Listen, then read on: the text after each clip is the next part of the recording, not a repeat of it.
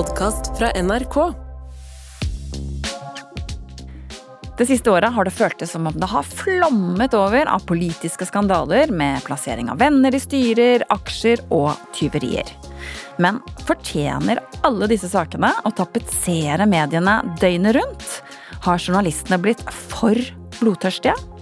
Eller er det sånn at eh, en politiker må tåle å bli kjørt hardt i media? Anette Trettebergstuen går av som eh, likestillings- og kulturminister. Jeg er flau, jeg er lei meg, jeg skammer meg over å ha satt meg sjøl i den situasjonen her. Jeg går av som statsråd for forskning og høyere utdanning. Enda en statsråd har altså fallit for brudd på habilitetsregeln. Nå begynner folk å bli trøtte på det her. Det, det blir jo sånn at du mister jo lysten og troen på dem. Når den ene etter den andre gjør noe galt. I går ble det kjent at Moxnes er blitt bøtelagt av politiet for et tyveri av et eh, par solbriller på lufthavnen for to uker siden. Jeg er innmari eh, lei meg. Anniken Huitfeldt innrømmer habilitetsbrudd etter mannens aksjekjøp. Tillitsbrudd er alltid vanskelig, og ekstra vanskelig er selvfølgelig i en familie og i et ekteskap.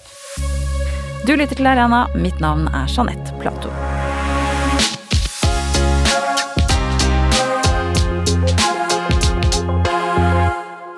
Det har knapt gått en dag uten overskrifter om norske politikere i en eller annen skandale det siste halvåret. På løpende bånd har det kommet avsløringer om sentrale politikere i både Arbeiderpartiet, Senterpartiet, Høyre og Rødt. Og siden i sommer har flere statsråder måttet gå av som følge av brudd på habilitetsreglene. Saken rundt Høyre-leder Erna Solberg og hennes ektemanns aksjehandler er noe av det som har fått mest oppmerksomhet i media. Og da det ble klart at Økokrim ikke skulle etterforske Sindre Finnes, kom hans advokat med krass kritikk av norske medier og det enorme antallet med saker som ble skrevet om hans klient da det sto på som verst. Så rett etter at støvet så vidt hadde lagt seg litt rundt disse aksjekjøpene, så kom det enda en avsløring som gjaldt et annet parti. Tidligere Rødt-leder Bjørnar Moxnes ble tatt for nye butikktyverier, og dermed var forsider, kommentarer og sosiale medier enda en gang fylt med en politiker i hardt vær. I Arena i dag så spør vi hvor går grensa for hvor mye medietrykk en politisk skandale fortjener? Som vanlig har jeg samlet tre gjester for å diskutere dagens tema. VG-journalist Martin Lægland, velkommen. Politisk kommentator i Vårt Land, Emil André Erstad, velkommen. Takk. Og forfatter Kim Arne Hammerstad, velkommen. Tusen takk. Kim Arne, eh, du har skrevet boka 'Politiske skandaler sex, korrupsjon og maktkamp', hvor eh, du har da eh, dykket ned i alle politiske skandaler i Norge fra etter krigen og frem til i dag. Og nå jobber du faktisk med en oppdatering av denne boka. Det er kanskje ikke så rart etter dette året. Hvordan vil du beskrive skandaleåret 2023? Det er et helt ekstraordinært eh, år. Vi har aldri hatt så mange skandaler i løpet av et eh, år. Vi må egentlig tilbake til metoo-året 2018, hvor det også røk en justisminister med et Facebook-innlegg og en stortingspresident med en, eh, et postmottak på, på, Stortinget. Men dette året det vil stå igjen som det virkelige skandaleåret i norsk politikk. Emil, hva tenker du om dette året? Hvordan vil du karakterisere det? Nei, Det har vært helt ekstraordinært, som det blir sagt her. og Det har bidratt til å svekke tilliten til politikerne i ei tid framover, vil jeg tro. Eh, knytt til, eh, til alvoret i de sakene som har skjedd. og Det er veldig vanskelig for velgerne å skille disse sakene fra hverandre, tror jeg. Så det, det blir en sånn, en sånn tåke av skandaler ved norsk politikk. Mm. Og nettopp derfor så tenker jeg at nå skal vi gå inn i én skandale litt spesifikt til å begynne med.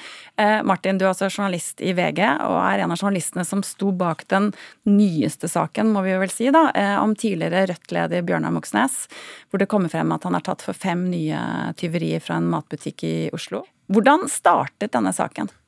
Eh, den saken startet med at vi fikk eh, noen opplysninger eh, om nye tyveri ved en dagligvarehandel som vi da konfronterte Moxnes med, samtidig som vi eh, kontakta politiet og fikk innsyn i forelegget. Og fikk bekrefta fra politiet eh, at han hadde fått eh, vært inne til avhør da, og godtatt, godtatt det her forelegget.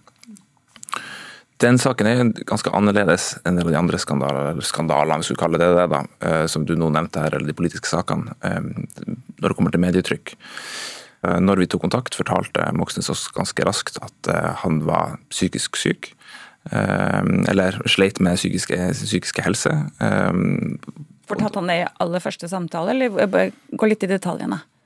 Jeg kan ikke gå for mye i detaljene, men jeg kan si at vi hadde dialog med Moxnes frem til eh, vi gjennomførte et intervju. Eh, hadde, da handla det for vår del, og da var det relativt tidlig hvor han eh, opplyste oss om det her.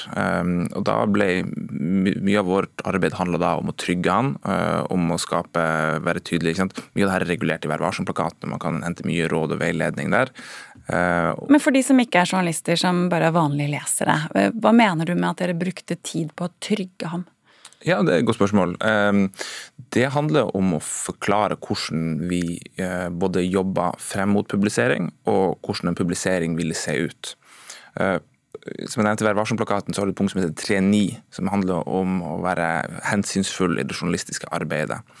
Eh, det skal man være i ekstra stor grad hvis vi snakker om sårbare kilder. Maktpersoner kan også være sårbare kilder. Hvis du sliter med psykiske, psykiske helse, så kan det være noe som gjør deg til en sårbar kilde. Mm.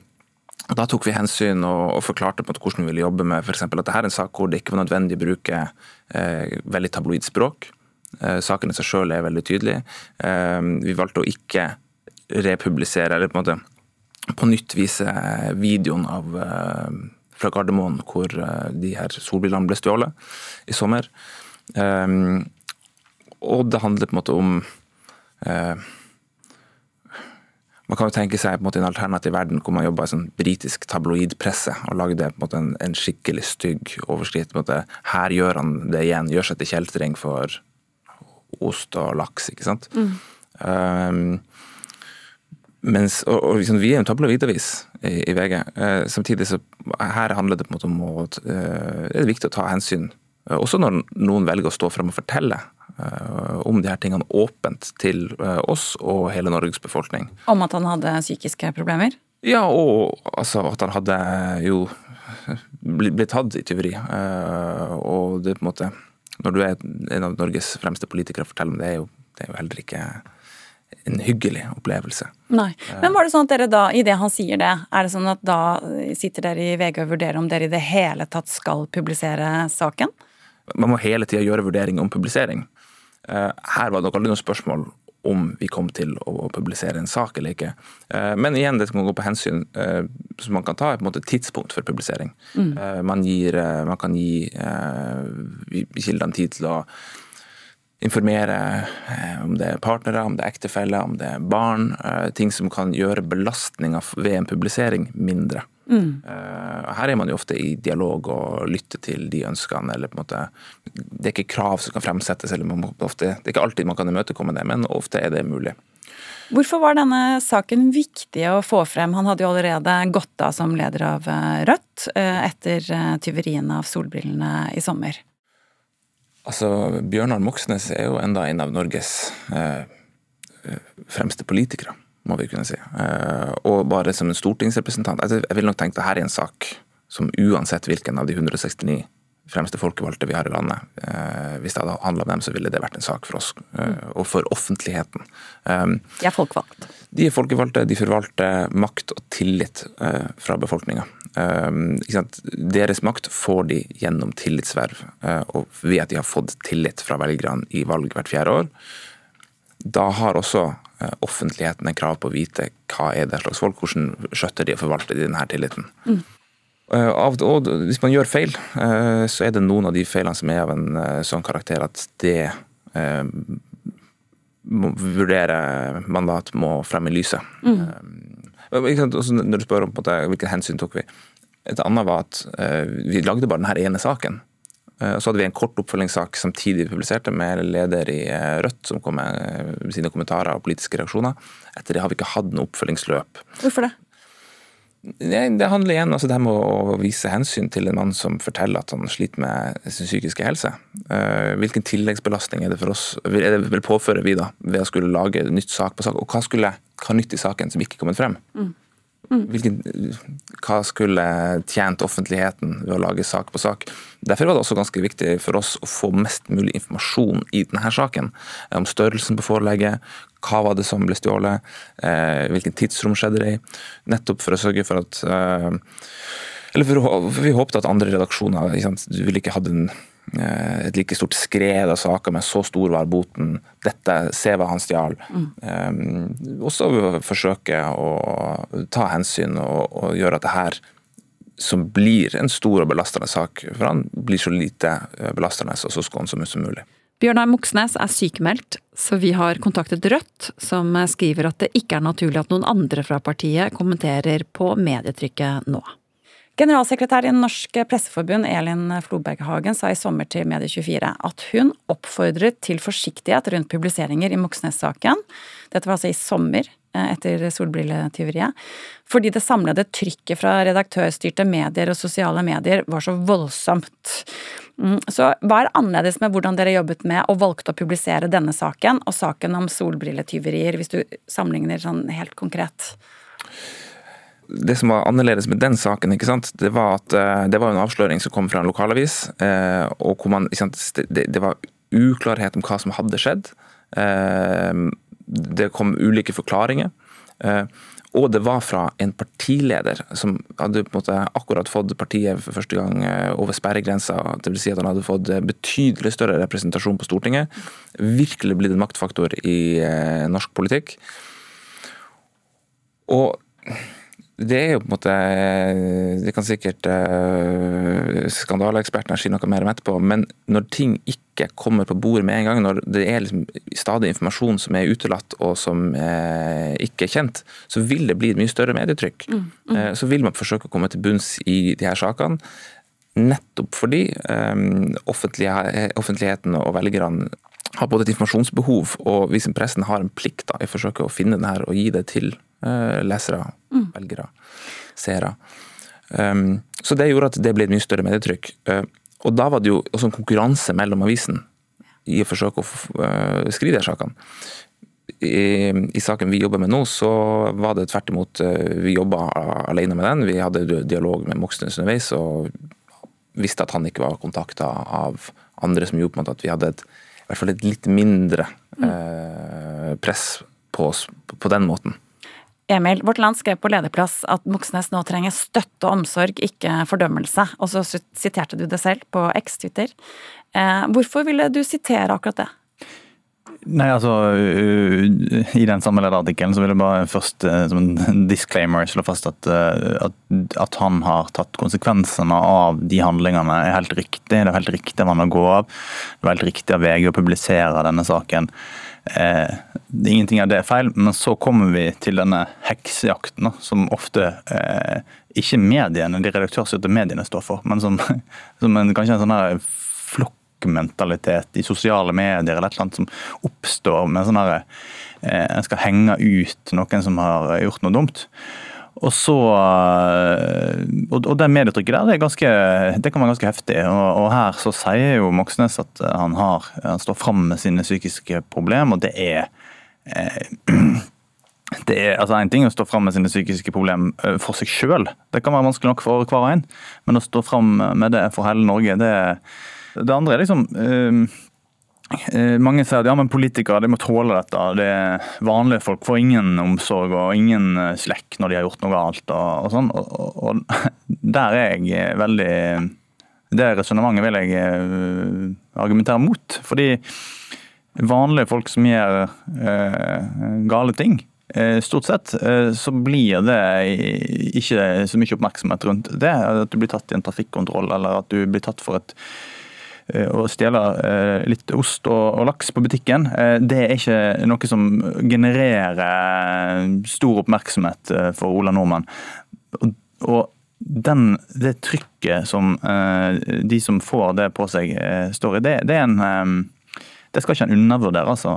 Vi har sett mye forskning på den type overeksponering og hva det kan gjøre. Og det Én ting er for medietrente, men en annen ting er for folk som ikke eh, er så eksponert til vanlig, eh, og som eh, vi har sett flere eksempel på i høst òg, som har, har, fått ganske hard medfart. Men du mener det var riktig av VG å publisere saken? Ja, absolutt. Og de samme grunnene som Martin drar opp her, så syns jeg at velgere og offentligheten har krav på å vite dette om en hva som helst stortingsrepresentant eller mektig politiker som gir den type ting. Eh, og jeg syns formatet VG publiserte de, var talte òg for publisering. Mm. At det var, det var lågmælt, eh, faktaorientert, og, og en dro ikke liksom fordeler av ja, det er det en kunne gjort. En kunne dratt dette mye lenger. Det gjorde ikke VG, og det skal de ha honnør for. Mm.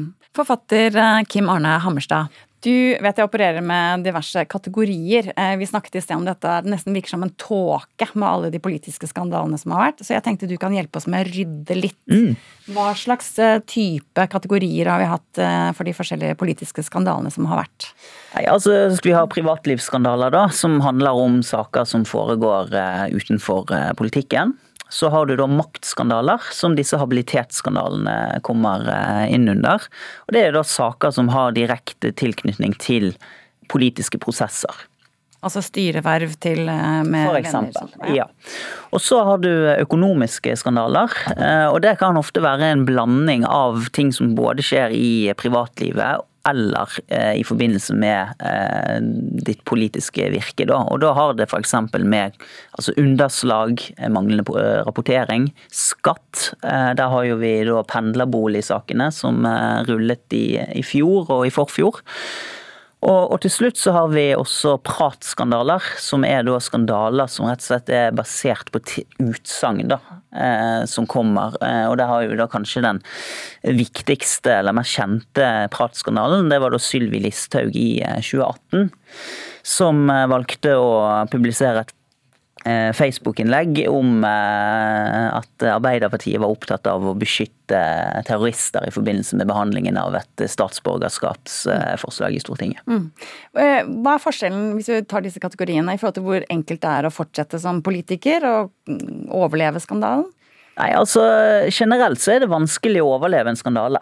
Eh, også eh, For å snu på spørsmålet, da, så er det, det er aldri skjedd at noen har gjort comeback etter en økonomisk skandale. Der regner eh, der, eh, der er de fleste ferdige både ganske raskt etter at skandalen er et faktum i mediene, og Hadia Tajik er vel kanskje den som har vært nærmest å gjøre comeback. Mange trodde at hun kom til å gjøre comeback i høst i regjeringen i den nye suppleringen der, men det skjedde ikke. Nå har vi da Erna Solberg, da, som har sagt ja til at hun både vil og orker å fortsette som leder av Høyre og som statsministerkandidat. Er det uvanlig, altså? Det er veldig uvanlig. Og du kan jo nesten si at uh, Erna Solberg er med på nå å sette en ny standard for hvordan man håndterer så store skandaler, da. Men Samtidig, det er fremdeles langt fram til stortingsvalget. Uh, hun skal velges. Uh, og så er Det liksom, det går jo an å argumentere for at det er en fin ting at Eh, velgerne skal ha makten over og avgjøre om de eh, skal ha tillit til, eller om de har tillit til Erna Solberg ved neste stortingsvalg. Men så er jo det det andre spørsmålet med eh, tilliten til systemet, da.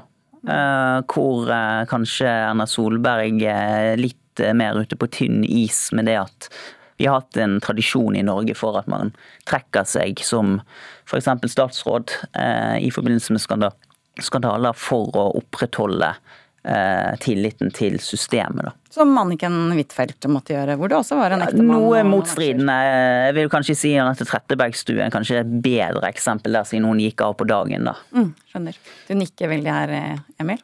Ja, uten tvil. Og, altså, det, det, vi har sett med Erna Solberg-saken er jo spektakulært på så mange vis. Jeg satt i det rommet denne dagen, det var en uke siden vel, at Erna Solberg Eh, peka på seg sjøl og sa at hun hadde tillit til eh, seg sjøl og hadde bestemt seg for å fortsette. Um, og det er jo ja, det er veldig vanskelig å peke på et lignende uh, eller sånn øyeblikk i norsk politisk historie der, der en leder har så mye makt i sitt eget parti at hun kan sitte inne i et sentralstyremøte og Eh, vedta, eh, være med på å vedta tillit til seg sjøl. Mm. Det er jo mange ting med dette som er Og, og, og, og Høyre peker jo på at eh, det er velgerne som nå skal få avgjøre dette. Eh, jeg tror det er en, en farlig vei å gå på en måte for eh, norsk politikk. Om alle disse andre skandalene skulle blitt opp til velgerne, så så er det som jeg sa i sted, vanskelig for velgerne å skille disse skandalene fra hverandre. Mm. Det er, det er, Da overlater du til, til en ganske sånn, en liten gruppe mennesker som allerede har ganske mye makt i det norske samfunnet, eh, som klarer, og som har overskudd og tid og ressurser til å sette seg ned og lese og se forskjell på alt mulig. og eh, sitte og diskutere finurlighetene i disse sakene. Mens for mange vanlige folk så er, er en politisk skandale eh, ja, Det er ikke alle som leser boka til Kim Anne, eh, selv om de burde det.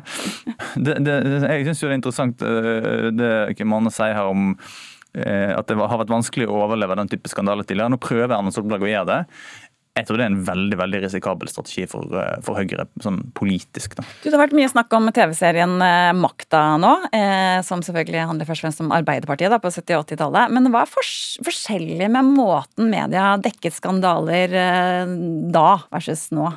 Det, det, ganske, altså det, er veldig store forskjeller, for å begynne med det. og jeg tenker, altså Det går et tidsskille, og det går rundt millenniumsskiftet. Eh, på hvordan eh, norske medier dekker politiske skandaler. Og Da skal vi til en av de mørkeste skandalene i norsk eh, politikk, og det er da Tore Tønne-saken. Avgått helseminister Tore Tønne tok sitt eget liv etter mange medieoppslag i begynnelsen av 2000-tallet om uryddighet med etterlønn. Dette var jo et viktig tidsskille i dekning av norsk politikk. Denne saken ble dekket med et ekstremt personfokus. Han ble han ble rett og slett eh, stemplet som en kjeltring i mediene. Og Jeg er født i 92, så jeg var jo ikke gammel nok til å følge denne saken, eh, heldigvis, eh, da, da den gikk. Og da jeg gikk gjennom den mediedekningen av den saken i forbindelse med, med, med masteroppgaven min, så, så, ble jeg rett og slett sjokkert over hva mediene på, altså i nyhetsdekningen fant på å, å skrive om eh, Tønne. Eh, om effektbruken, altså hvordan Eh, alle vinklingene var, og bildebruk og, og alt sånn. Det var et eh, rett og slett enormt trykk, og, og, denne saken endte jo med at uh, Tore Tønne tok sitt eget liv. Uh, samme dag som Økokrim tok ut tiltale mot han. Og dette bidro jo til en veldig stor uh, debatt i etterkant i mediene. Tønne-saken er nå det som advokaten til Sindre Finnes eh, refererte til nylig på en pressekonferanse. Advokat Thomas Skjelbred kom med krass kritikk av det totale medietrykket mot klientene hans, fra den første saken ble publisert 31.8, frem til 3.11, da Økokrim besluttet å ikke etterforske, fordi de konkluderte med at det ikke var rimelig grunn til å undersøke om det foreligger straffbart forhold. La oss høre hva advokaten til Finnes sa. Media har et viktig samfunnsoppdrag med å avdekke mulig kritikk, kritikkverdige forhold i samfunnet. Det anerkjenner eh, både Sindre Finnes, og det anerkjenner jeg. Det er ingen grunn til å kritisere media i denne saken for å ha omtalt Finne sine aksjehandler i den tiden Erna Solberg var statsminister. Bare så det er helt klart. Men konsekvensene av hans handler er først og fremst personlige, og dernest politiske for hans ektefelle. Jeg tror ingen kan sette seg inn i den belastningen det har vært for Sindre Finnes å stå i det jeg vil kalle den offentlige gapestokken han har stått i i de siste ukene, for ikke si snart to måneder. Og selv om det er kun et fåtall nyhetsartikler, det vil jeg understreke, som isolert sett mener har vært utenfor hva man må si er det medieetiske og, og riktige, så har likevel det samlede medietrykket mot en enkeltperson vært større enn noen annen sak, i hvert fall jeg kan komme på, i en så kort tidsperiode. Og Der kan man jo bare tenke seg alle medieoppslagene som siterer et annet medieoppslag. Altså så Én artikkel blir gjentatt så mange ganger at det samlede medietrykket blir stort. Og Det skyldes sikkert eh, moderne kommunikasjonsformer og, og, en del ting som samfunnsutviklingen har, men det tror jeg man skal ta inn over seg. Og Det har også gjort noen refleksjoner. fordi i rapporten 'Tre uker i desember en kritisk gjennomgang av medienes rolle i den såkalte Tønne-saken, som Norsk Presseforbund utga i 2003, mange husker sikkert den, så omtales 131 nyhetsartikler. VG, Dagbladet, Aftenposten og Dagens Næringsliv publiserte over 18 dager i Tønne-saken. Mange husker den saken. De samme mediene har siden september i vår sak publisert over 1000 artikler om Sindre Finnes. Tar vi med resten av Media-Norge, er tallet godt over 6000, ifølge Infomedia. Og det gjør jo noen refleksjoner. Når burde det ha vært nok? Når er samfunnsoppdraget oppfylt? Kunne det ha vært i det øyeblikket man har avdekket mulig kritikkverdige forhold, og kompetente, kompetente myndigheter igangsatte sine undersøkelser? Burde man ikke da kunne vente på utfallet av Økokrims undersøkelser før man fortsatte med spekulasjoner? Jeg stiller spørsmålet. Emil han stiller eh, spørsmålet. Hva tenker du? Når burde det eventuelt være nok? Ja, altså, Jeg aksepterer ikke helt premissene for uh, Kjærbreds uh, framstilling her. Uh, og Den første kommentarartikkelen jeg skrev om denne saken, den kom uh, dagen etter Solbergs pressekonferanse. Jeg husker ikke den datoen det var, men det som jeg kommenterte der, og det som jeg mener har lagt premissene i denne saken fra start, var Høyre sin framstilling av at Finnes hadde vært den store skurken som hadde lurt Erna Solberg. Eh, og, og, det som jeg og alle andre politiske journalister har skrevet om, har vært Solbergs ansvar i denne saken. Er, det er litt vanskelig å ta den eh, kritikken helt på alvor. Mm, jeg bør kanskje si at Høyre er ikke her til å tale sin sak, men, eh, men tallene er jo ganske enorme. da. Han refererer jo da til denne saken, hvor det var da hva var det, 130 cirka saker. Her snakker han om 6000. altså Det er jo en overveldende mengde eh, her. Ja, altså klart, Det å få Sindre Finnes å uh, gå gjennom denne mediestormen, det, kan, det, er vanskelig å forestille seg for oss vanlige folk hvordan eh, det er, eller for oss som ikke har gjort det. Uh, og, og, Det samme for Erna Solberg og alle andre som har vært involvert i denne saken. Selvfølgelig hadde det sikkert vært ganske krevende. Det kan vi ikke vi gå inn i. Mm. Eh, men eh, gjennomgående så har det vært ganske eh, bra, opp, bra eh, oppførsel fra mediene, og liksom i henhold til eh, det som har vært lærdommene. Martin, den store mengden som det snakkes om her, det er også noe du var inne på i sted, ikke sant? i forhold til det skredet som kan komme etter en sak. Hva, hva tenker du om det advokaten til Finnes sier her? Jeg tenker vi alltid skal lytte når folk forteller hvordan det er å oppleve å bli dekt av media eh, og dekt av pressen, og hvordan det er å stå i en mediestorm. Ehm, så det er jeg jo glad for at han deler sine perspektiv, eller sin klients perspektiv på. Og så snakker og spør han når er samfunnsoppdraget oppfylt. Det blir det ikke. Det blir aldri det. Altså Pressens eh, samfunnsansvar eh, er kontinuerlig. Det skjer hver eneste dag. Eh, det skjer i denne saken, i hvert fall så lenge Erna Solberg fremdeles kjemper om å bli landets statsminister og er en av Norges absolutt mektigste politikere. Mm. Og Det er det som gjør denne saken interessant. Det er jo de sporene eh, vi følger. Det er vi, det man publiserer saker om. Hvilken tillit kan hun ha internt i eget, eh, eller har hun i eget parti?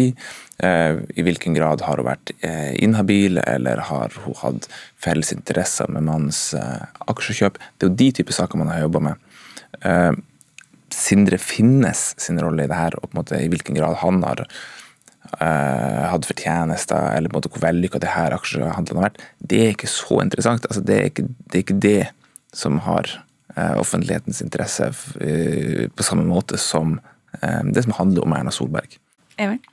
Ja, og det, dette, nå kommer jo dette til å gå. Altså Erna Solberg sier at hun eh, vil bli sittende. Hun er mer motivert enn noen gang. Hun er faktisk eh, også eh, bedre skikka til å lede Høyre eh, enn på lenge. Eh, og fram mot stortingsvalget i 2025 så kommer jo spørsmålene om Sindre Finnes sin aksjehandling til å komme. Eh, altså Det er jo en del av konsekvensen knytt til at Erna Solberg igjen søker denne makten og igjen vil inn i statsministerboligen og fortsatt gift med Sindre Finnes. Mm. Um, jeg skjønner godt at det er en stor belastning for uh, begge to i et ekteskap å måtte stå og svare på uh, på Dagsrevyen eller på en pressekonferanse om kan du fortsatt være gift med din ektemann. Altså den type spørsmål som går helt inn i det aller mest private. Jeg forstår at det er krevende og tøft. Og spørsmålet kan han bo i statsministerboligen etterpå. Jeg forstår det, det, det er overhodet ikke enkelt å svare på. Men uh, innholdet i de spørsmålene, på en måte, altså de, de, politiske konsekvensene i det, uh, at vi har denne saken, er, gjør at det på en måte er spørsmål som uh, dukker opp, og som altså, det, det, er mye i denne saken som må besvares fremdeles, og som kommer til å gjøre at det enda har eh, offentlighetens søkelys. Ja, Vi backer ikke unna pressen ennå på dette? Nei, og det er forskjell på jeg synes man skal, som vi snakket, det, er ganske forskjellige saker. Eh, vi skal ta større eh, hvis noen f.eks. sier at de sliter med psykisk sykdom, at det er sårbare kilder, at det ikke er trente eh, kilder i media, så skal man ta andre typer hensyn enn Norges aller mektigste politikere. Mm. Emil, I Vårt Land-kommentaren så sto det også 'mange kjemper en kamp man ikke vet om'. Vær snill mm. alltid. Mm.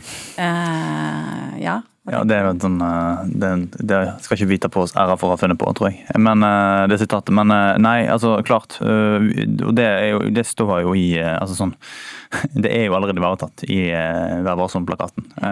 Vi, vi, skal, vi, skal, være hensynsfulle i møte med kildene og ta, ta nødvendige hensyn.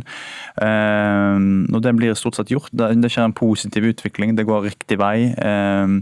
Og, og, den, og så er det jo en tendens av og til til at folk som står under eh, berettiga hardt medie, hard mediekritikk, kommer med kritikk av mediene som kanskje ikke alltid heller eh, treffer så godt. Mm. Eh, men jeg kan forstå at det kommer, og, og, sånn får det vel bare være.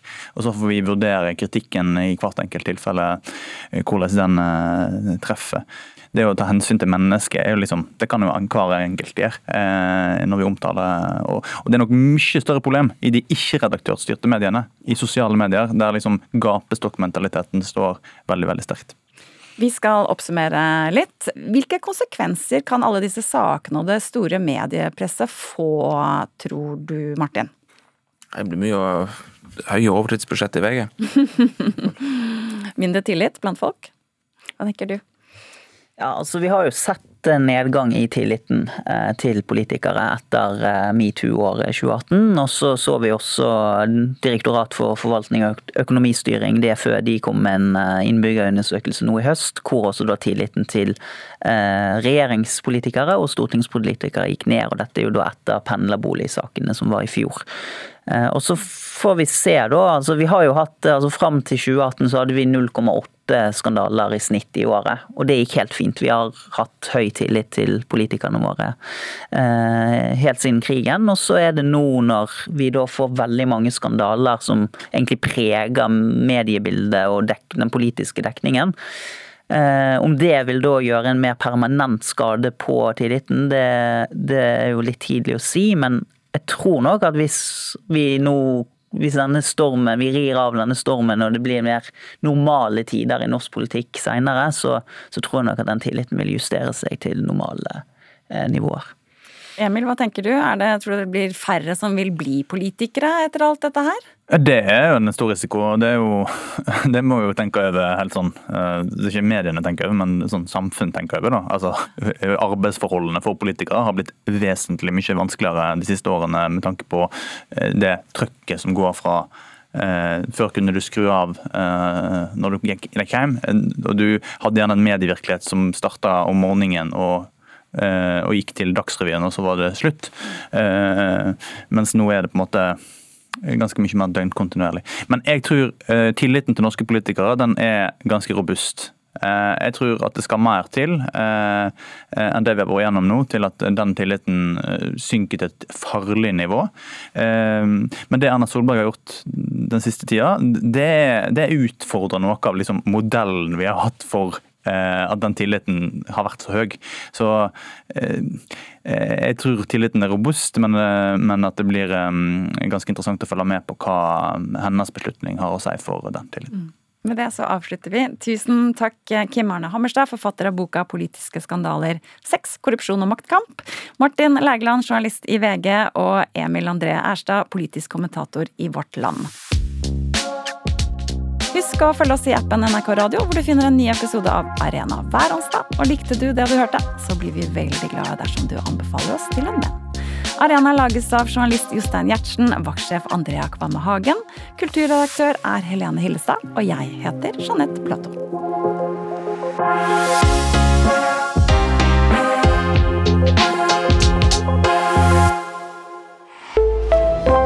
Podkast fra NRK. Har du også sett TV-serien Makta og sitter jeg med noen spørsmål? Det har i hvert fall jeg. Jeg heter Torkil Risan og lager podkasten Seriesnakk. Her får jeg serieskaperne og skuespillerne i serien til å ta det med bak i kulissene, men også dem som faktisk var der da det skjedde, til å fortelle sine historier. Og lurer du på noen ting, så kan du stille spørsmål til de involverte i appen NRK Radio. Hør Seriesnakk i appen NRK Radio.